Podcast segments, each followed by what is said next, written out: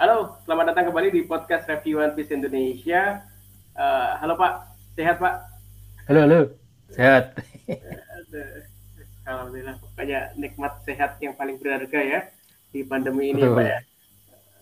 Betul sekali. Okay. Rezeki uh, tiada tara.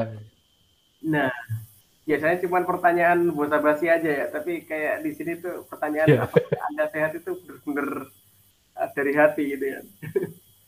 Nggak hanya kepo doang.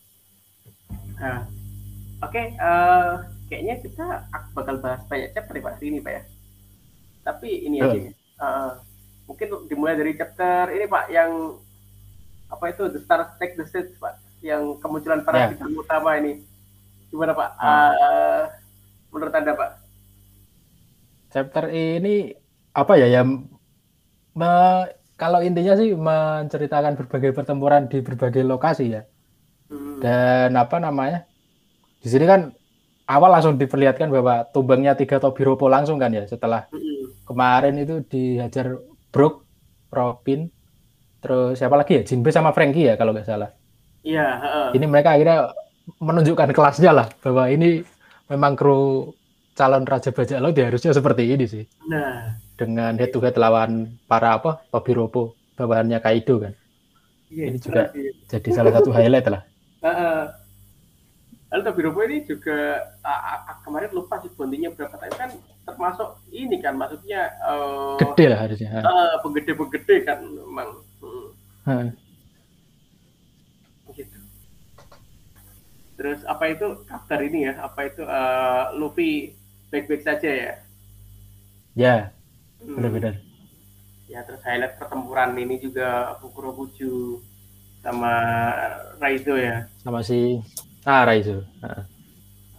saling inilah ya intinya mereka saling saling ejek bisa dibilang sih nah. kenapa kamu malah uh, mengabdi pada Orochi yang ibaratnya korup lah ya nah. mereka dia menggunakan kekuasaannya dengan tidak benar gitu loh terus nah. ya si Kurokosu cuma bilang intinya dia akan terus membela yang ibaratnya shogun yang aktif kan ya hmm. Penguasa Wano yang aktif lah ibaratnya. Jadi enggak ada salahnya sebenarnya dari omongan dia. Tapi ya balik lagi ke Orochinya itu loh. Ini kan pemimpin yang tidak layak lah sebenarnya dan iya. sementara sementara Raizu masih apa ya berusaha mengembalikan keadaan Wano yang keadaan yang lebih baik kan. Iya. Ke makanya dia mencoba sebisa mungkin untuk apa ya mendukung Momonosuke lah untuk bisa naik lagi nantinya itu. Nah itu. Dan ini berarti anehnya yang aku kemarin baca ini agak aneh itu kan Orochi udah mati ya kan langsung ditebas sama mm-hmm. samurai ini kan oh iya ding samurai sembilan ya tapi kenapa Kurobuchi kok malah masih ini kayak gitu harusnya kan berarti Kakak, ada, ya. Nah. ada kekosongan kekuasaan kan ya benar nah itu nah. apakah nah ini mungkin nanti nyambung sama beberapa chapter selanjutnya sih pak hmm. obrolan ini Wah ini seru ini. Oke, berarti langsung ini ya. Ya, nanti uh, kita lanjut aja nanti. Terus update pertarungan killer sama ini ya. Killer sama. Ya, killer sama. Dan kita sudah menduga. Dan ya, ini ya ternyata si siapa? Hawkin ya ini namanya ya, si hmm. Hawkins ya. Ternyata dia memanfaatkan apa nyawanya si Kid kan untuk yeah. apa ya? Ibaratnya dihabisi sama killer ya. Nah ini akhirnya jadi drama ini gimana ini killer? Apakah akan lanjut menghabisi Hawkins tapi taruhannya nyawa kaptennya sendiri atau gimana ini nanti? Nah, uh, ini maksudnya uh, andalannya si Hawkins kan ini kan waktu lawan lawan lo kan juga kayak gitu kan? Apa itu? Uh, oh, benar-benar. Nyawa yang dipakai kan waktu itu nyawanya siapa ya? Anak buahnya ya? Uh, nyawanya Beppo dan kawan-kawan gitu loh. Oh benar-benar. Uh, akhirnya kan lo ya nyerah kan, maksudnya kalau misalkan tokoh protagonis digituin kan nyerah ya. Tapi kalau kayaknya aku sempat maksudnya ini ya, uh, misalkan kenapa nggak pakai senjata-senjata yang itu kan sekali goresan bakal kena nyawanya kan. Menurutku kayak mm -hmm.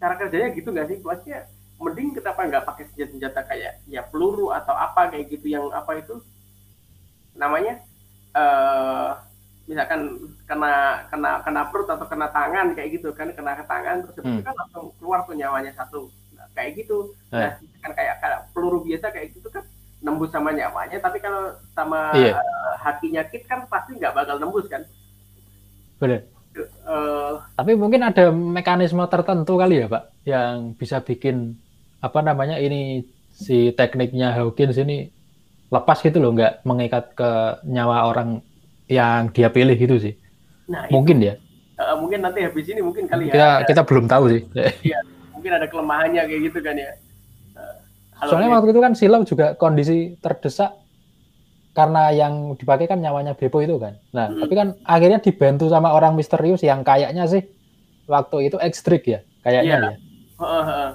Uh. Oh iya. Dan akhirnya kan dia bisa lepas tuh. Oh iya, mungkin dikasih Nah, itu nggak tahu tuh, diapain kan si Hawkins ya. Oh iya, iya. hmm. Wah, ya seru juga itu. Oh iya, bener bener bener bener. gitu sih. Apa pakai batu laut ya? Mungkin aja mungkin. Oh, oke okay lah, oke. Okay. Uh, ini ya akhirnya ini ya uh, kit berdarah-darah ya ini jadi drama uh. banget ya ini. Hmm. Uh. Oke, dan kemudian langsung ini ya, lanjut ke sesuai judul ya. Ini api ke mana-mana ah, iya. ya. Ini ini berarti ya, belum ya. diterangin Pak ya, yang King ini ya, King bahwa King adalah ras ini ya, ras di atas Redland. Nah, iya. Dahulu kala ya. Sekalian dibahas aja kali ya Pak.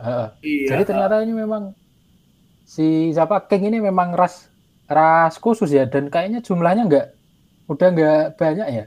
Dia termasuk salah satu ras yang langka kan hitungannya si King ini. Jadi memang kemampuannya dia ini bisa ngeluarin api ya ternyata. Ini ternyata bukan dari buah setan kan?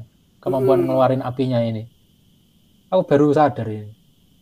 Nah Ujo itu. Padahal kira selama ini oh berarti dari buah setannya dia ya karena apa itu? Nah, kirain kan begitu kan? Eh. iya. Ternyata api alami kayak gitu kan? Nah, benar nah kalau nggak salah aku lupa sih omongannya Big Mom waktu itu. Kan Big Mom waktu itu ini ya langsung kayak apa itu melotot ke King, oh iya iya.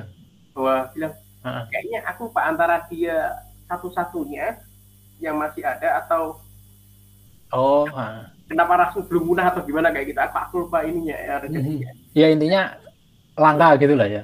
Hmm, nanti dicek lagi aja itu itu redaksinya itu gimana. Hmm, intinya itu langka banget lah. Malah kayaknya aku malah ada ingatan kayaknya mungkin satu-satunya kayak gitu Iya, iya.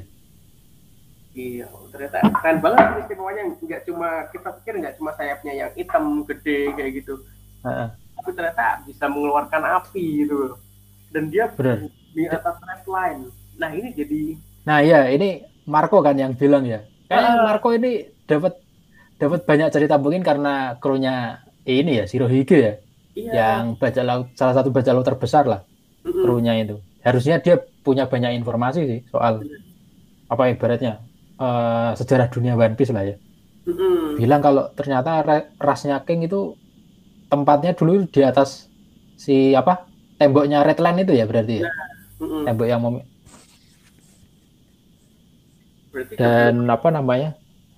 berarti satu ras ini mm. uh, rasnya dia semua ini berarti bisa ngeluarin api ya kalau kayak gini. Kalau berdasarkan penjelasannya Marco sih. Nah, uh, memang iya benar Pak Marco. Memang ini punya pengalaman tuanya dan ini ke dia di sini menjelaskan kan bahwa dia tahu itu dari Oyaji kan. Oyaji waktu itu menjelaskan kita yeah. Oyaji kan Oyaji uh. uh, itu. Nah uh, dan itu juga diperkuat sama Queen kayak gitu kan. Queen bahwa bilang uh. Uh, Sanji ini apa itu kan apa itu kakinya bisa mengeluarkan api ya? Uh -huh. nah Sanji. Oh nah, iya benar Uh, nah selama ini kan kita mikir apa itu uh, dia uh, jurus itu kan dia temukan waktu di Water Seven ya, aku Water Seven ya, hmm. yang jambe itu. Yang keluar api ya. Hmm, kalau nggak salah kan dengan muter-muter kakinya itu kan habis itu bisa panas keluar apinya kayak gitu kan. Hmm. Terus si Queen itu menduga bahwa Sanji itu tidak semuanya produk gagal kayak gitu. Iya. Uh, karena kakinya masih ada hasil modifikasi dari si Jet lah ya. Uh, tapi tadi tidak terima kan. Hehe, iya. Dia kira ini apa jurus penemuanku sendiri kayak gitu. Ben bilang oh, itu mustahil kayak gitu. tapi nggak tahu nanti apakah nah. apa itu di akhir nanti apakah gimana kayak gitu yeah. karena kita juga masih menantikan ini ya uh, gebrakan-gebrakan dari Queen ya gimana dia uh. anggota Met kan uh, uh. itu Queen kan bilang kan. Tapi pengetahuan Queen, uh, Queen kan sebagai peneliti gila kan peneliti gila. Mm -hmm. ya termasuk peneliti ini ya yang luar biasa lah di dunia kayak gitu kan. Pengetahuannya yeah. tidak bisa kita remehkan juga kan. Uh, tentang pengetahuan kayak gitu. Dia bilang ras yang bisa mengeluarkan api itu cuma king kayak gitu kan. Cuma rasnya king benar uh, cuma rasnya king kayak gitu. Nah itu. Jadi kamu itu bukan mungkin kayak gitu. Itu harus modifikasi gitu kan eh. uh, iya iya itu ya rabe sih ini chapter beberapa chapter terakhir ini uh, rabe sih terutama ini pak ini kan akhirnya Zoro juga udah bangkit kan setelah mm-hmm. dikasih doping lah ya sama Chopper beserta apa asisten-asisten dari suku Ming itu. Ah. Dan akhirnya ini berhasil bangkit dan masuk langsung menghajar ini kan King kan. Iya. Yeah. Di Zoro barengan sama Sanji ini. Nah, tapi itu kayaknya juga rawan ini ya. Karena kan itu sebenarnya setauku apa ya semacam doping gitu kan. Jadi harusnya nanti ada efek sampingnya ke Zoro sih. Nah, katanya kemarin efek sampingnya bakal uh, sakit banget kan iya yeah. tapi ya ya ya udah sih Zoro kok kayak yeah. Zoro sudah lumayan terbiasa dengan hal seperti ini iya sangat terbiasa malahan kan ya dia aja bisa mengambil luka-lukanya Luffy kan waktu itu uh, kan masih tetap hidup itu kan luar yeah. biasa betul gila Indonesia pun luar biasa Zoro ini uh. manusia kemungkinan ini ya uh, manusia yang luar biasa emang kuat banget kayak gitu apalagi nah, terus hmm? apa namanya lanjut ke ini kan setelah bangkit kan dia akhirnya ada pembahasan ini juga lagi loh dari si Marco ya di chapter 1023 ini tahu-tahu ini dia ngomong kalau uh, apa namanya I'm talking long before that from what I hear there used to be a land of God up there Oh, di atas Marijoa ya? Atau the red line is Marijoa ini loh, Pak? Sebelum Marijoa. Oh, ini chapter selanjutnya ya? Nah, nah chapter selanjutnya. 23, 23. Oke. Nah, halaman berapa? Awal-awal kok ini. Hmm. Nah, itu yang Oh, lah ini nih. Kayaknya ya, maksudnya hmm. gini deh sebelum ada Marijoa di atas sana, hmm. itu di sana terdapat area yang disebut Land of God kan, areanya para dewa gitulah ya, mungkin bisa ya. dibilang itu. Hmm. Ini mungkin mengacu ke ini ya, Pak, mengacu ke si sebelum abad kekosongan itu sih ya menurutku. Nah. Dan jangan-jangan kalau bisa kita apa ya, bisa kita ya curi-curi teori gitulah istilahnya. Ini jangan-jangan memang Marijoa itu uh, didirikan di bekas lokasi kerajaan kuno atau gimana ya kalau kayak gini tuh. Land of God aku kenapa ngacunya langsung ke situ ya uh, mikirku sih. Nah iya ya. Ini agak pembahasan ini. Nah uh, jadi makin ini ya teorinya. Dulu kan ya itu ini sangat menarik banget sih. Karena dulu kan dan uh, mikirnya uh, red line itu didirikan oleh pemerintah dunia kan buatan uh. kan sempat ada yang bilang buatan kayak gitu siapa yang bikin kayak gitu yeah. Iya. uh, apa teori itu muncul ini uh, dari ras, ras ini yang rasnya rasnya Ors itu penarik benua itu kan uh, ras penarik yeah. benua itu ini Ors pasti rasnya Ors yang bikin kayak gitu kan hmm. terus uh, karena ini zaman dahulu kala dan ada kemungkinan ini sebelum apa itu uh, kayak dan rasnya kan dikatakan ya mungkin ya mungkin ya mungkin kan hampir punah hmm. kayak gitu. mungkin king satu-satunya yeah. intinya kan dibabat habis kan rasnya king kan dengan kemampuan kayak gini pasti jadi uh, punahnya karena perang dong dengan peng betul, betul. bisa mengeluarkan api kayak gitu tiba-tiba punah kayak gitu tapi, tapi belum tahu sih apakah punahnya gara-gara kayak Enel yang goblok banget terus dia membantu uh. itu juga bisa aja sih Iya benar. ya nanti sih nggak tahu. Nah uh, kalau misalkan asus asumsikan berarti kan ada kemungkinan sebelum apa kekosongan kayak gitu. Nah berarti Redline kan sudah ada sejak kalah kayak gitu nah. akan jadi problem lagi kayak gitu dulu katanya kan solusinya itu menghancurkan Redline ya uh, iya yeah. nah, tapi kan ya masih iya. masih sekedar teori kan Pak ya waktu itu ya teorinya jadi kan apa itu jadi makin uh, makin rumit jadi apa itu uh, spekulasi yeah. akhirnya ini kan katanya kan One Piece dia yeah. jadi satu kayak gitu kan salah satunya kayak gitu. Uh. Yeah, yeah.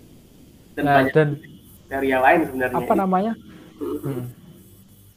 Dan Marco tiba-tiba ngomong ini setelah dia ngelihat sosoknya King kan. Tiba-tiba meng, apa ya membicarakan informasi informasi rahasia inilah ibaratnya informasi penting ini. Mm. Setelah dia melihat sosoknya King gitu loh lah. Kayaknya sih mungkin ini King termasuk itu ya salah satu mungkin bisa dibilang ras yang eh, dulunya hidup apa namanya dulunya hidup cukup lama gitulah dan ini tersisa cuma satu mungkin kasusnya kayak Robin kali ya cuma sisa satu orang aja yang bisa baca poneglyph kayak gitu-gitu. Nah. dan harusnya ini uh, akibat campur tangan pemerintah dunia sih. Uh, kenapa orang-orang ini bisa bisa apa ya bisa langka gitulah populasinya gitu. Karena mungkin akan menghalangi tujuan mereka kan. Nah ya itu. Karena ini ya apa itu uh, mereka emang uh, habitatnya itu di atas redline ya. Dan redline kan mau dipakai hmm. Marijo ya nah yang jadi pertanyaan yeah. tadi yang menarik pak beneran pak. Land of God gitu definisi Godnya ini. Yeah. kemarin katanya kan uh, nah ini. Land of God kemarin kan mengacu ke Marijo ya. Katanya kan uh. kamu kenapa Luffy menentang para dewa? gitu kan. Dianggapnya kan uh, kan itu itu dewa kan.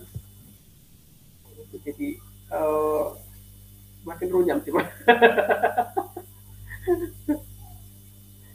bingung aku ininya. Uh, mau ininya linkingnya gitu. Gimana pak untuk hmm. aku sejujurnya masih agak ini sih masih cukup apa ya cukup bingung lah mengait-ngaitkan. Tapi kalau mau makin dibikin pusing lagi uh.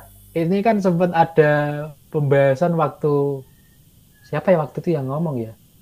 Sengoku ah Sengoku itu yang pas bahas bounty bounty Roger segala macam kan dia menceritakan tragedi God Valley itu kan. Uh, nah, God Valley ini apa lagi ini? Kok ada sebutan God di God Valley terus Land of God ini ada kaitannya apa enggak ini? Waduh, oh iya ya. Tragedi God Valley itu kan kalau nggak salah apa ya? Itu kan pertempurannya antara bajak laut Rocks itu kan ya? Iya. Bajak laut Rocks dan uh, Roger uh, yang beraliansi dengan pemerintah dunia kan. Hmm. Katanya itu kok menghilangkan satu pulau atau gimana kita aku nggak lupa deh detailnya seperti apa. Kalau nggak salah ini deh, uh, Valley itu kalau, kalau dicari itu sudah nggak ada ininya apa itu sudah nggak ada di peta. Lokasinya ya? Oh. Ha. Nah kalau nggak salah. Lah itu. Sudah nggak ada di peta. Nah pertanyaannya nggak hmm. ada di peta. Ini memang pengetahuan tentang itu dihapus pulau itu. Ha atau memang pulaunya benar-benar hilang itu kan. Jadi kan atau nah itu. kemungkinan kan pulaunya benar-benar hilang secara uh. atau memang yeah, uh, yeah, ya ada udah di, udah dimodifikasi kayak gitu sehingga hmm. jaraknya di situ udah hilang kayak gitu. Sehingga yeah. hilang. Kemudian pengetahuannya dibabat lah ya. Babat habis kayak gitu. Semua orang tahu itu itu di inilah disingkirkan lah ya. Itu. Hmm. Sehingga apa itu uh, sudah nggak ada di peta kayak gitu. Itu jadi dua dua kemungkinan eh. itu tapi iya pak ada kata gas ya dan setelah Marco membahas itu kan uh, dia kayak lagi ngelamun gitu kan terus tiba-tiba hampir kena serangan diselamatin Izo mm-hmm. terus tiba-tiba kayak Marco kayak mengayal lagi gitu kan. Mm. sambil ketawa-ketawa heh Izo kamu percaya sama God apa ibaratnya dewa nggak? gitu sih. Mm Nah ini kok apa ya kayak ada sesuatu yang terasa apa ya terasa lebih besar lagi gitu loh pembahasannya gitu. Setelah kita kemarin tuh sibuk dengan apa ya ibaratnya pemerintah dunia dan apa ibaratnya agenda tersembunyinya terus uh, apa namanya kerajaan kuno gitu gitulah ya. Kok ini kali ini ada pembahasan yang spesifik menyebut kata-kata God gitu loh, Pak ini ada hal baru lagi apa gimana ini sebenarnya gitu. Nah, ya apalagi yang ngomongin Marco kan. Luar biasa nih. Hmm. misteri baru kan dan di luar dugaan kita. Kan duganya ini, ini ini belum masuk ke pembahasan Wano loh. Ini baru baru ya, benar, kita benar. kan nggak nggak duga tiba-tiba ada pembahasan sendiri tentang King ya di Wano ini ya. Ya benar. Bikin, eh. Yang bikin kayak gini kita dari kemarin kan, ayo mana Wano ini sejarah gimana kayak gitu. Terus, iya benar. Oda Sensei ini langsung ngasih sabar dulu ini ada apa uh, itu juta kamu nggak tahu kan kalau apa itu masih ada rahasia-rahasia lain aku kasih teasernya tiba-tiba ada, Tapi, ada ada sosok yeah. king yang kita nggak tahu kan di, dulu kan ada king atau enggak kan tahunya kan cuma itu ya itu Onigashima yeah. Wano kayak gitu tiba-tiba ada king dan nah. king terus uh, rasnya langka oh kayaknya apa ada sangatnya kayaknya ada hubungannya sama bulan kayak gitu tiba-tiba Marco hmm. datang bilang dia hidupnya di atas red line terus ada kata-kata yeah. Tapi menurutku ini sih.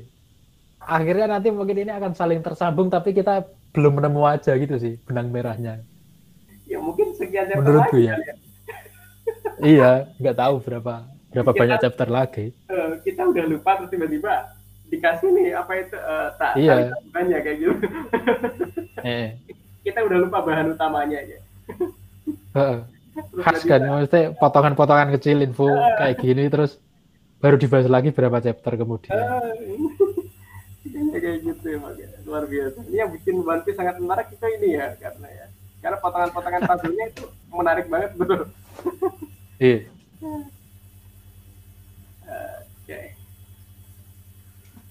Nah, ini terus kan lanjut ke pertarungan mereka lagi ya. Hmm. Uh, Suruh Sanji dengan apa King Queen ini lah.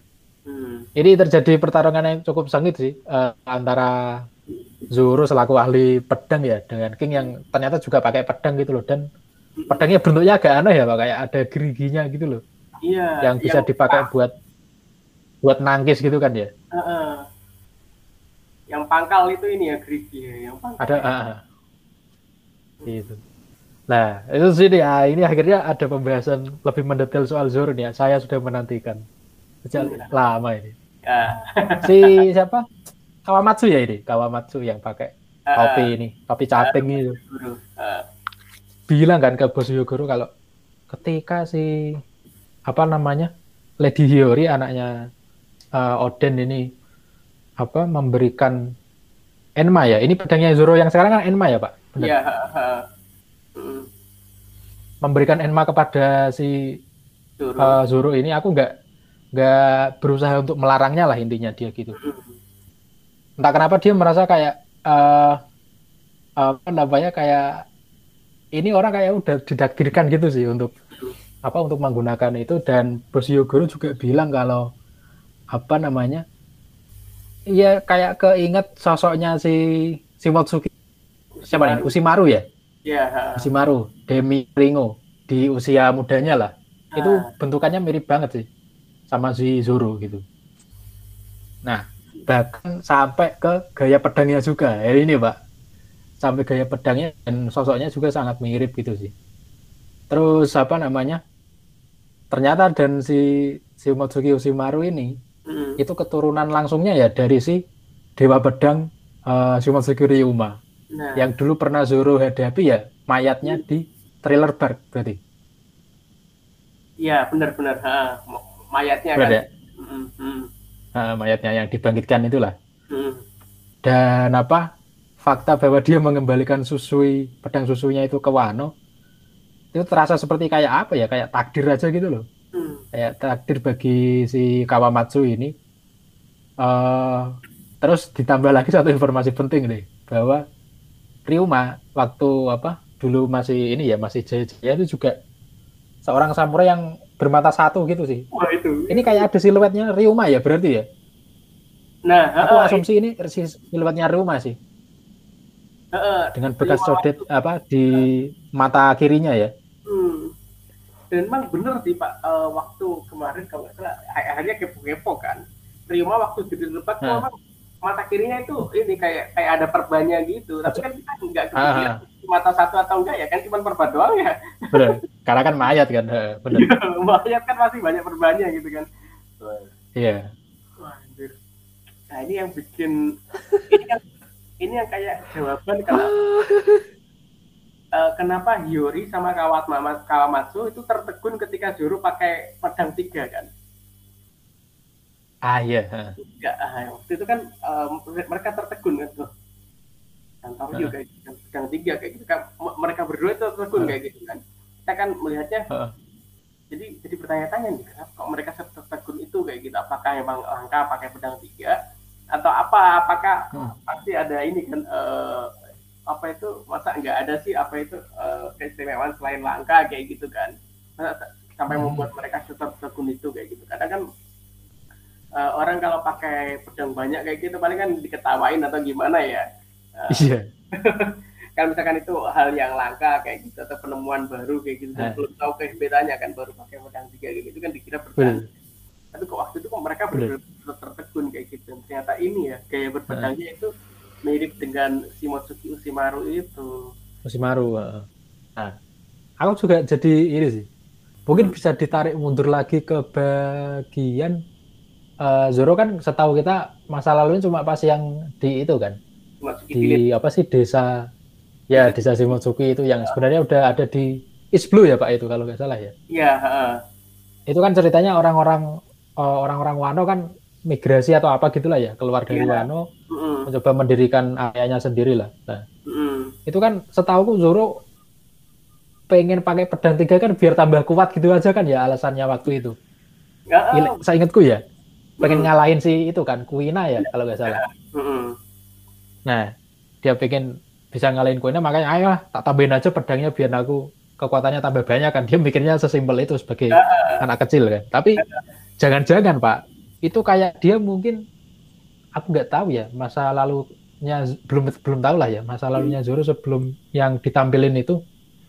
Jangan-jangan itu memang dia kayak udah terekam aja gitu uh, pemandangan seperti itu di benaknya sejak kecil bahwa uh, ada kok ternyata mungkin leluhurnya dia atau apa yang pakai gaya pedang seperti itu juga makanya dia kayak secara tidak sadar itu mengikuti itu gitu loh. Hmm. Nah itu. Aku mikirnya gitu sih. Yang bikin apa itu, uh, apalagi nama desanya Shimotsuki kan, Shimotsuki Ryoma, Shimotsuki. Ya, betul. Nah, ini ya kayak budaya mirip dengan Shimotsuki Usimaru kayak gitu. Desanya di Shimotsuki. Betul. Apa itu Shimotsuki Yoshi, apa itu aku saya lupa namanya itu. Uh, hmm. Yoshiburo ya atau siapa itu. Nah itu uh, kan datang kayak gitu beberapa orang Wano kan. Terus habis itu kan di yeah. konfirmasi juga bahwa ternyata uh, suruh mendengar kata Sunaki itu ya dari Shimotsuki Yoshiburo itu kalau nggak salah ya. Pokoknya ayahnya inilah, ayahnya ayahnya hmm. pemilik dojo lah, ayahnya gurunya Zoro itulah. Ayahnya Kuina.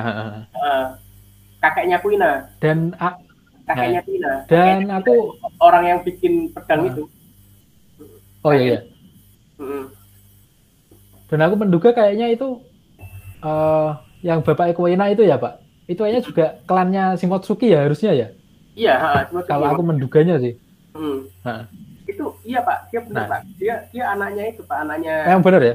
Yoshiburo, uh, Shimotsuki Yoshiburo. Nah, Shimotsuki Yoshiburo itu yang bikin oh, okay. pedang Enma sama pedang uh, siapa itu? Uh, pedang Enma sama pedang Susui. Itu bukan uh, yang Padu Ichimonji ya? Yang ini loh pedangnya. Oh, oke. Okay pedangnya Kuina. Iya ya. Wah. Ya gitu. Berarti makin inilah arahnya makin terlihat lah. Mungkin ya mungkin Zoro itu masa lalu sebelumnya ini juga entah kehilangan orang tuanya atau gimana kita kan nggak tahu ya. Tapi hmm. dia masih diasuh oleh klan-klan Shimotsuki gitu loh. Hmm. Mungkin ya kalau kayak gini kondisinya loh. Hmm. Nah itu jadi kita nggak tahu apakah kita tahu-tahu kan Zoro uh, mencapai desa ini ya tahunya kan di itu kan hmm. tahu Zoro di ya benar dia menata para dojo kayak gitu kan uh, Shimotsuki Kozaburo pak Kozaburo itu ah. kakeknya Kuina nah itu kakeknya Kuina jadi memang nah Shimotsuki Kozaburo nih yang bikin Enma sama yang ah. bikin apa itu uh, Wadu Ichimonji. Gila okay, kan? okay. orang besar kan memang dia, dia kan, ya ini. Panti Motoki emang uh, klan yang ini kan maksudnya orang-orang besar semua loh kayak gitu ya Suiye mm -hmm. ah, dan perlu diingat bahwa klan Shimotsuki ini yang pegang dua ini loh dua wilayah loh. Dua wilayah uh, Ringo sama satunya dua wilayah. Lainnya kan cuma ini kan. Uh. Shimotsuki pegang dua wilayah kayak gitu Uh, berarti kekuatannya cukup diakui ya harusnya ya pada nah, masanya itu. Dan orangnya unik-unik kan. Buru ini uh, apa ah. itu uh, pandai pandai pedang yang hebat, kabur dari Wano juga ah. kan dihitung sebagai kriminal kan Iya yeah, Di negeri Wano kan nggak nggak boleh ini kan nggak boleh keluar kan. Sampai uh. Oden berusaha apa pun ternyata Kozaburo dulu berhasil kayak gitu sama iya. beberapa orang Wano kalau di SBS ceritakan itu. Uh. Nah itu. Anjir. Dan ini juga Pak uniknya ya.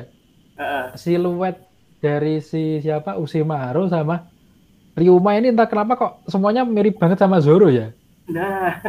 Apa ini emang karakteristik wajah klan Usimaru atau atau memang karena memang ada hubungan keluarga aja antara mereka bertiga ini sebenarnya? Nah. Zoro, Usimaru sama si Ryuma ini. Iya. Nah. Apakah karakteristik ini ya? Ah, gitulah. Iya. Mana ini kan uh, kita dikasih tahu siluetnya ini kan Shimotsuki Ushimaru di hmm. chapter selanjutnya kan? Ya. Yeah. iya itu. Itu ah, keren lah ini pokoknya. Ini yang bikin ini saya gak bisa kata-kata itu banget sih emang gila sih. Dan kita masih belum tahu jadi aku aku masih berpikir apa jangan-jangan masa sih Zoro orang biasa kayak gitu kan? Tapi bisa jadi kalau misalkan orang itu juga sah-sah aja sih. Bilang bahwa orang yeah, biasa juga bisa loh jadi kuat kayak gitu tanpa siapa pun. Yeah. tapi uh, uh. anehnya ini sih uh, kayak uh, ya oke okay sih. Jadi kan tidak harus punya privilege keturunan dan apa pun kayak gitu. Tapi di sisi lain uh, ya sah-sah aja. Tapi di sisi lain misalkan dibikin keturunan juga makin ger juga. Makin ger. Uh, Dan makin inilah Pak, ibaratnya makin banyak head to head antara dia sama Sanji. Nah. Selain dari sisi kekuatan juga dari sisi keturunan kan. Sisi nasab ya Pak.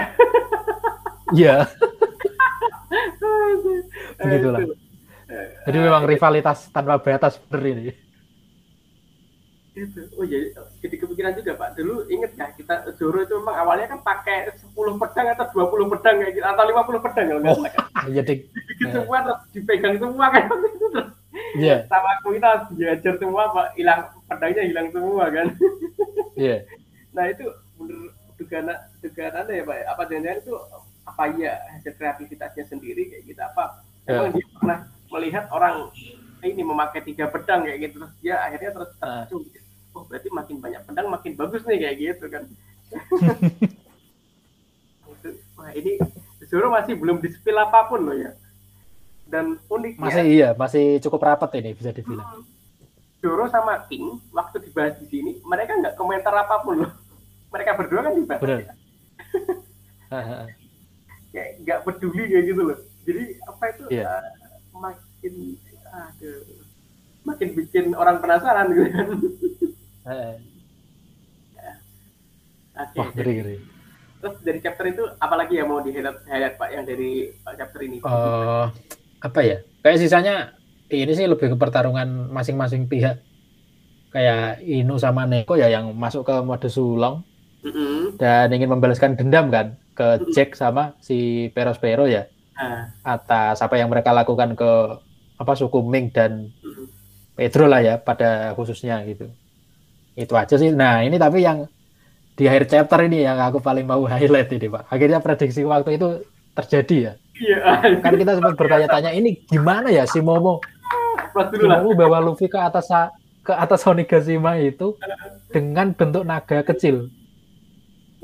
Nah bisa terbang sih memang tapi apa nggak terlalu lama sementara waktu uh, waktu untuk Onigashima sampai ke apa ke Wano itu kan tinggal beberapa menit lagi kan Nah, jadi aku sempat ini ya tetap perlu sesuatu untuk power up sih. Nah, aku baru ternyata aku baru ini sih baru sadar bahwa Shinobi itu kemampuannya bisa bisa bikin itu kan, bisa bikin orang jadi ini kan, jadi benda dewasa gitu loh. Benda itu lebih menua lah, lebih menua inilah. Iya. Lebih manual dan nggak bisa kembali ya kayaknya ya. Permanen kan itu. Benar. Nah, itu kan udah di chapter sebelumnya kan. Momo minta hmm. untuk dibuat jadi umur berapa ya? 28 apa? Iya, Atau berapa gitu, saya ingatku. Hmm. Sesuai usianya lah ya pokoknya. Hmm. Kalau nggak skip yang 20 tahunan itu. Gitu. Nah, nah ini akhirnya panik kan si apa kru-krunya si Lau itu, weh kok tiba-tiba ada Kaido di sini, tiba-tiba ada naga besar kan di depan mereka itu dikira kan Kaido, ternyata ini naganya si Momo tapi versi lebih gede karena dia sudah jadi dewasa kan. Iya. Dan apa namanya Luffy kan langsung. Iya Kaido ya. Heeh. Sekilas memang gede pak karena ya warnanya kan pink kan nanti itu harusnya ya. Jadi uh, si Luffy langsung kenalin ini kan si bentuk naganya Momo karena kan dia udah pernah lihat kan yang versi kecil hmm. kayak langsung kenalin aja gitu hmm. nah ini akhirnya mereka segera bersiap kan untuk apa namanya lawan Kaido lagi ke atas Onigashima itu dan ketika apa namanya udah masuk mode ini si Shinobu malah kayak ya kayak nangis bahagia gitulah ya jadi kok malah nangis kenapa kamu ditanya Luffy kan ini tebakanku sih dia nangis gara-gara uh, ternyata versi dewasanya Momo itu mirip banget sama Odin sih kayaknya iya, ya. Iya, kok ngono ya. Bapak ya. Kalau kan nangis kan wah. Kan My Lord, you, kan. you look just like. Iya. yeah. Kan Sinabu yang ini kan yang tidak ikut terlempar di masa depan kan. Akhirnya kan dia, dia udah 20 Benar. tahun lebih kan. 20 tahun tidak tidak tidak yeah. ketemu Odin kayak gitu kan. Jadi tidak ketemu ya. Uh, rasa kangennya kan itu. Lah. Apa namanya setelah kemarin ini ya Pak? Uh, apa? Aplaus Pak. Setelah kemarin. Anda, Pak. Iya ini. setelah kemarin dikasih ini ya uh, Oden KW yang si siapa tuh Kanjuro ya Pak. Ini akhirnya kita mungkin bisa diingatkan kembali sosok Oden tapi lewat anaknya lah ya. Mm-hmm. Perawakan anaknya yang versi dewasa ini. Gitu sih. Nah ini keren sih. Keren, keren. ya, tapi ini sih, karena si Momok hitungannya skip ya, skip beberapa tahun untuk jadi dewasa ya, harusnya dia wataknya masih tetap anak kecil sih, tapi dengan tubuh yang lebih gede aja gitu. Uh, ini ini sih uh, menariknya itu kayak ini sih, ini menunjukkan bahwa perkembangan ini pak, perkembangan karakter Momo itu luar biasa pak. Aha. Iya kan dia dari apa itu awal kita tahu cuman anak kecil yang mesum kan ya. Iya benar. ya, anak kecil yang mesum yang kayak kalau kita lihat sebel banget sama si anak kan sama ini anak kan kita ya. Terus habis itu tiba-tiba di spill bahwa dia apa itu uh, seorang raja, iya kan? Seorang calon raja kayak gitu kan. Calon raja berikutnya. Uh, terus kemudian uh. dia bersikap sok-sokan kayak gitu kan. Uh, Wah, hey Luffy, kamu tuh harus hormat pada raja. Oh, kenapa kita harus merubah sikap, sikap kami ke kamu kayak gitu kan Luffy lah. iya, benar-benar. Jadi kayak gitu terus habis itu uh, momennya lagi waktu di penjara ini ya uh, apa penjara apa Udon ya penjara Udon itu. Iya. Yeah. Uh, akhirnya Momonosuke ini kan uh, anak 8 tahun memberanikan diri bisa mengeluarkan kata-kata sekarismatik itu kan itu kan oh, luar biasa loh kayak gitu. Padahal dia yeah. orang yang baru beberapa hari yang lalu ditinggal bapak ibunya kan. Kan di beberapa hari yang lalu hmm. sebenarnya kan. Iya. Hmm. Beberapa hari yang lalu ditinggal bapak ibunya kan. Terus kemudian dicekek oh oh Kaido kayak gitu. Uh, di mana dia tinggal semua pengawalnya, pengawalnya dan sebagainya dan namanya uh, keluarga bangsawan punya kuasa punya apa kayak gitu kan biasanya anaknya kan rawan sebagai anak yang manja ya.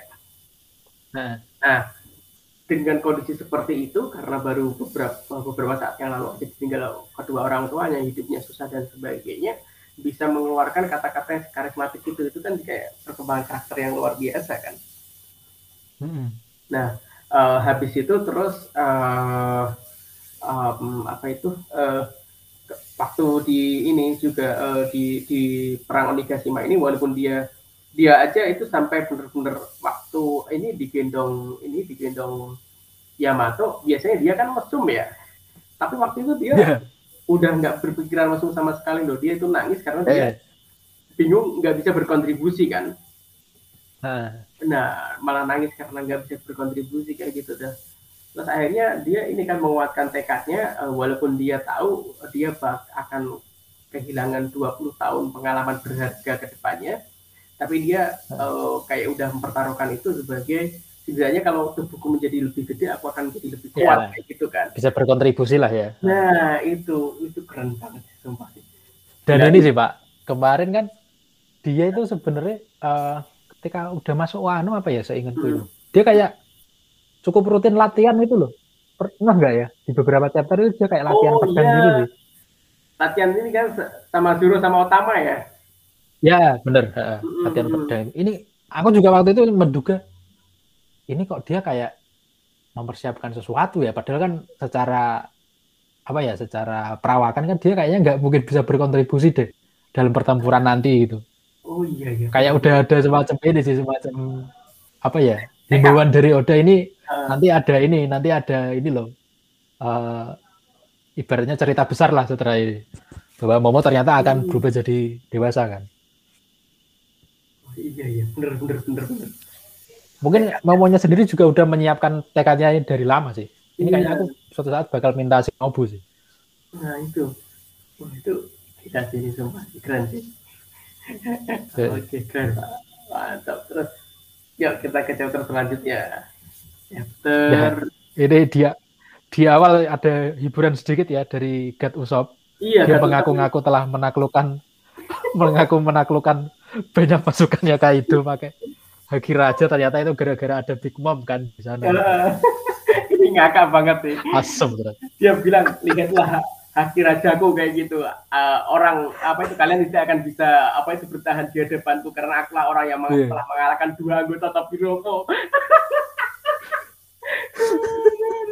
Tapi adil benar sih. Tapi ini mungkin ini Pak. Hmm. Kita harus berhati-hati dengan omongannya Usop ini. Jangan-jangan di masa depan ini benar akan terjadi Oh, iya. Dia akan punya haki raja dan akan mengalahkan dua Tobiropo yang sisa to, sisa siapa ya Tobiropo ya? Masih ada nggak sih? Udah habis pak, udah habis pak. Oh udah habis ya? Habis pak. Drake, oh iya ding. Drake kan wafat ya. Dipecat dengan tidak hormat. Kemudian uh, siapa itu? Dua kan dikalahkan ini kan. Dua kan dikalahkan Big Mom ya atas oh, atas iya, sumbang eh. atas atas sumbang seher Nami dan Usap ya sebenarnya. Memang benar sih dia yeah, yang mengalahkan. Kalau nggak ada dia juga nggak bakal dipukul sama Mom sih. Lah berarti yeah. tinggal si Haki Rajanya ini berarti. Iya kan. Ya mungkin akan terjadi.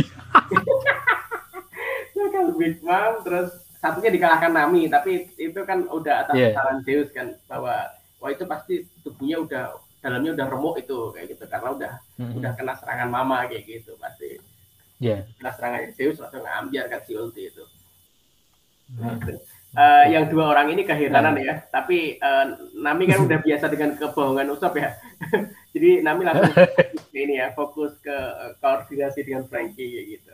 Langsung kita ini ya skip aja karena bagian yang paling menarik di chapter ini adalah nah uh, ini ya intinya ini ya, intinya ya. orang-orang itu uh, intinya gara-gara gara-gara inilah gara-gara Tanji sama King ya terutama King sih kayaknya ini ini kan kastilnya terbakar ya jadi uh, pada hmm. mau nggak mau kan lantai atasnya kan terbuat dari kayu semua kayak gitu jadinya orang-orang hmm. kenapa uh, berlarian keluar sama berlarian di lantai dasar karena ya itu kalau hmm. mereka tetap di atas ya jadi uh, panggang dia kepanggang oh. kan nah itu intinya itu intinya iya pak ya iya. Uh. -hmm. terus kita uh, dan uh, salah satu highlight menarik chapter ini itu hmm. uh, apa namanya si flashbacknya Yamato ya kita dapat flashback hmm. Yamato zaman dia kecil sih nah. jadi memang penyiksaan kepadanya ini sudah dilakukan sejak kecil oleh Kaido ya karena hmm. setelah melihat eksekusi Oden ya harusnya ini kejadiannya hmm. dia melihat eksekusinya Oden dan merasa uh, mengagumi lah ya mengagumi hmm. sosoknya Oden itu sendiri sampai akhirnya di ini kan ibaratnya dihukum lah sama Kaido uh, dimasukin ke dalam gua gitu sih. Dan ternyata kita juga tahu nih bahwa sejak kecil haki rajanya si Yamato ini sudah aktif ya. Tapi nah. memang dia belum sadar kan gimana cara mengaktifkannya itu. Ini gokil sih. Hal yang apa ya? Hal yang layak dimiliki oleh anaknya Kaido sih menurutku. Iya. Ya makanya ini ya. Okay. Wah, Kongkor Haki ya. kau memang punya potensi kayak gitu kan kata kayak itu kan itu kan nah. Terus ini ya uh, ini yang benar-benar ini ini lanjutnya dari tadi yang tadi ya Shimosuke Ushimaru ya. Dia dimasukkan nah. uh, ke penjara ya penjara batu ini. Nah, terus gak dikasih makan dikasih makan terus disuruh saling bunuh kan. Nah ini dimasukkan di sini kan bersama orang-orang hebat kan yang tiga tiga samurai ya ini kayaknya. Iya tiga samurai. Katanya kan kata kayak itu terhebat kan terhebat di Wano kan. Ha. dia tahu kan saat ini ya. Hmm. yang tengah ini Usimaru kan ini. Udah kayaknya udah jelas sih. Tak kira itu hmm. Usimaru gimana ya? Dia tuh hidup di zaman yang lebih lama lagi gitu loh pak. Ternyata nggak nggak terlalu jauh ya. Ini kan hitungannya masih berarti masih 20 tahun lah yang lalu kan setting ceritanya ini? Iya pak. Ternyata Usimaru di ada hmm. hidup di masa itu gitu loh. Nah, Usimaru itu ini Pak, uh, bosnya ini Pak, uh, uh, bosnya si siapa itu si Rubah itu Pak, Rubah ekor sembilan Pak. Iya, nah, yang bisa berubah jadi orang itu kan. Nah itu makanya kan uh, waktu bosnya meninggal dia ini kan habis itu diurusin sama Kawamatsu kan. Jadi benar-benar meninggalnya kan karena waktu itu cuma diceritakan karena memberontak ke Kaido aja sih waktu itu.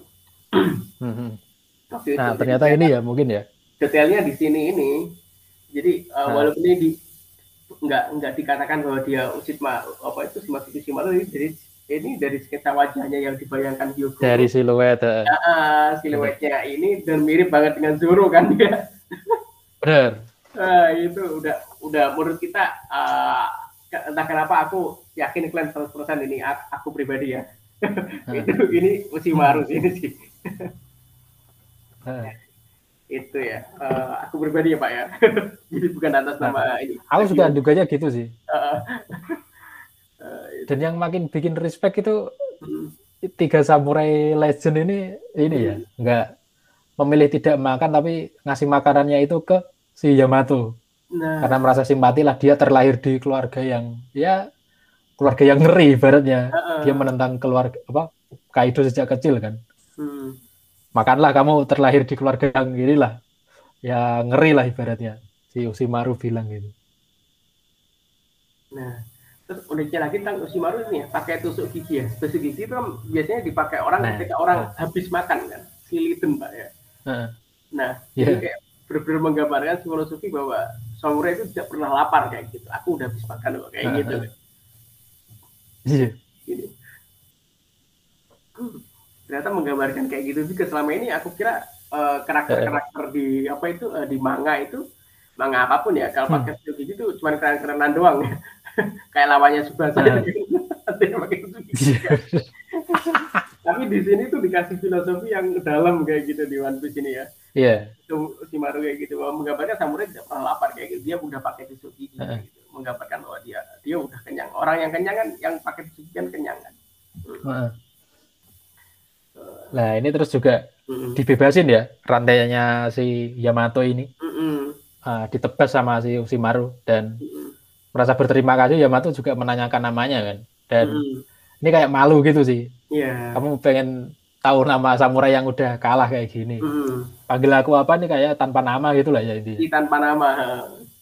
Nah, gitu dan ini dia memamerkan si Yamato memamerkan jurnalnya Oden kan dan semuanya terbelalak tiga samurai ini bawah itu kan apa namanya catatan perjalanannya si Odin nah. langsung akhirnya dibaca bareng-bareng kan ini mm.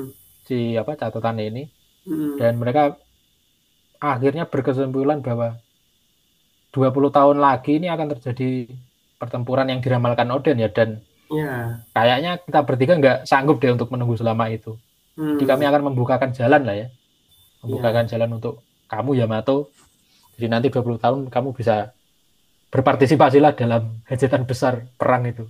Nah, jadi apa ini benar-benar apa itu merinding sih aku waktu baca sih. Jadi kami ya kan yeah. mereka kan udah tua posisinya di sini kan. Jadi kalau 20 tahun lagi kan pasti udah melemah fisiknya kayak gitu. Jadi kontribusi kami hmm. dan keadaannya kayak gini juga pasti uh, bentar lagi bakal mati kelaparan juga kayak gitu kan.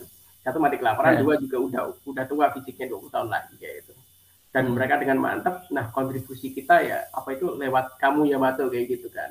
Lewat aku mau bebaskan kamu. Kamu nggak boleh mati di sini. Kamu harus ikut perang dalam 20 yeah. tahun ke depan kayak gitu.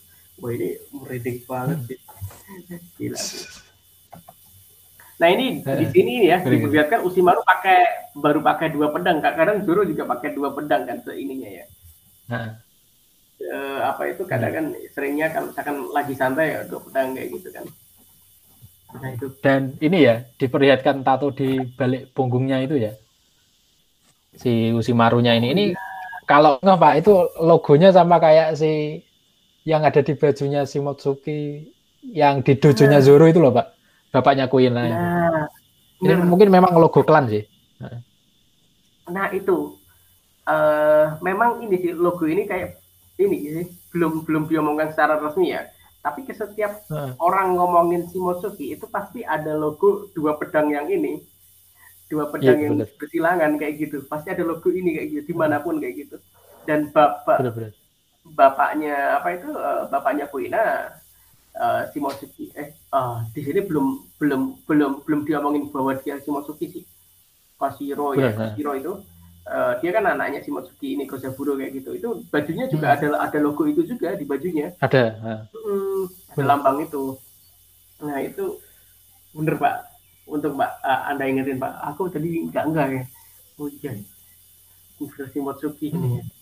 Ya jelas lah itu Shimotsuki Shimaru lah ya. Iya. yeah. uh, uh. Nah okay. ini makanya nah. oleh karena itulah ini ya uh, Yamato benar-benar tulus ya niatnya ya membantunya ini ya membantu hmm. Wano ya. Hmm. Benar. Dia ingin merampas uh, Negeri Wano dan kalau nggak salah nih ya waktu dia kecil juga dia bilang dia ingin ini ya berpetualang setelah membebaskan Wano dia akan berpetualang untuk menjadi lebih kuat lagi ya. Benar. Aku lupa di halaman mana itu. Nah itu, hmm. uh, nah ini Pak dari semua polanya ini Pak punya masa lalu yang kelam, hmm. uh, tekad yang kuat, hati yang suci lah Paknya, hati yang suci kemudian hmm. beneran kayak gitu. Ini benar-benar uh, fix gak sih Pak? Uh, kru selanjutnya ini siapa Pak? kru yang sepuluh ini pak tapi kayaknya iya sih tapi bu ya kemarin itu masih ada apa ibaratnya kayak perdebatan masih berharap banyak orang itu Vivi sih yang bisa tetap masuk karena kan memang hitungannya udah agak awal ya si Vivi hmm. dianggap sebagai salah satu kru lah bisa dibilang hmm. tapi karena dia harus tinggal di Alabasta kan ngurusi kerajaan yang sempat hmm. runtuh gitu hmm. akhirnya ya wes ditinggal gitu aja tapi masih temen kan Nah, tapi ini kayaknya sesuai perkembangan cerita kayaknya kalau Yamato masuk ini harusnya jalan Luffy untuk uh, ke Raftel ini jadi lebih gampang sih harusnya ya. Iya, karena punya jurnal yang jadi raja bajak laut ini. Eh, benar. Selain itu juga ya, selain punya jurnal itu secara kemampuan kan ini enggak enggak main-main ini orang kan. Iya, one on one punya Mythical Zoan, Haki Raja juga gimana tuh? Uh, Komplit ini, Pak. Haki, uh, Haki Raja mythical Zewan yang sangat langka ya uh, hmm. terus one on one sama Kaido gitu kan bener jurus-jurusnya Kaido juga dia punya kayak gitu kan oh ini ini one on one padahal kemarin Kinemon dan kawan-kawan itu mati-matian loh itu cuma kayak ibaratnya luka gores kan Kaido hmm. itu ini cuma satu orang bisa ya hitungannya bisa ngimbangi lah ya nah. si Yamato ini. Apakah nggak tahu Kaidonya menahan diri karena itu dia dia memang anaknya ya? Itu juga nggak tahu kayaknya nggak mungkin sih pak menurutku ya. Kayaknya nggak mungkin ya kalau lihat dia udah nyiksa sejak kecil itu loh. Iya sih kayak bener-bener pengen bunuh ya kayak orangnya ini bener-bener habis ya. Kayak itu ya bener. Dari kecil aja kayak gitu ya. Oh, takut orangnya. Oh iya iya Vivi Vivi nah Vivi itu ada yang ada banyak orang yang bilang bahwa Vivi sebenarnya itu udah kru kayak gitu kan hmm. katanya oh, kan iya. waktu itu kan cuman ya itu ya bener sih nah kalau bahas CV lagi jadi makin panjang pak kita pak karena kan atau kita akhiri dulu karena Vivi ya, kita masih belum tahu nasibnya kan kemungkinan Cobra iya, yang mati. setelah referee kemarin ya. Uh, uh, kemungkinan Cobra yang mati sih. Kemungkinan besar ya nggak mungkin Vivi-nya sih. Hmm. kemungkinan kayak gitu. Tapi kan dengan yeah. Vivi yang mati jadinya nggak asik juga sih. Uh, kalau memang Vivi yang mati berarti Yamato uh, fix masuk kayak gitu. Tapi kalau menurut kita ya andai kan uh, uh, ya itulah aduh jadi kalau dari perkembangan cerita sih hmm. memang lebih cocok kalau Yamato yang join ya karena kan untuk saat ini yang paling gampang kan untuk direkrut ibaratnya iya uh, menurutku Vivi itu ya di mana nanti kan bakal menjadi ini ya menurutku bakal jadi aliansi penting sih nantinya yang akan uh. jadi pemimpin di antara raja-raja yang akan membela pemerintah oh, dunia iya. itu menurutku nanti Vivi bisa juga. yang menjadi ratu yang apa itu membela pemerintah dunia di mana dia, dia dulunya kan Al Alabasta juga udah membela kan udah nggak mau gabung dan dia yeah. nah itu nantinya nanti kan mak makin banyak kerajaan yang membelot kan di akhir hmm. nanti kan kemungkinan kan nanti akan ada pertempuran itu kan nah mungkin Vivi akan menjadi komandonya di situ bersama-sama hmm. dengan pasukan revolusi kayak gitu kan iya yeah, yeah. ya itu ya ya ya bisa jadi diarahkan ke situ lah kita karena aku jadi ngefans banget nih pak sama Yamato nih pak. Keren deh dari bentuk Zoannya ini keren sih. Iya. Gila sih ini. Jadi bener-bener kru bener-bener kru kru yang kuat banget ini. Ada JB ada Yamato gila. Makanya. Guys cocok lah ya. oke okay. uh, eh, ada tambahan yeah. lagi pak? Cukup sih. Untuk hmm. sementara ya. Uh, dan berita baiknya ini ya. Uh, minggu depan nggak libur ya iya uh benar. Oke okay, uh, sementara cukup ya pak ya? Hmm. Hmm, sampai jumpa lagi di episode berikutnya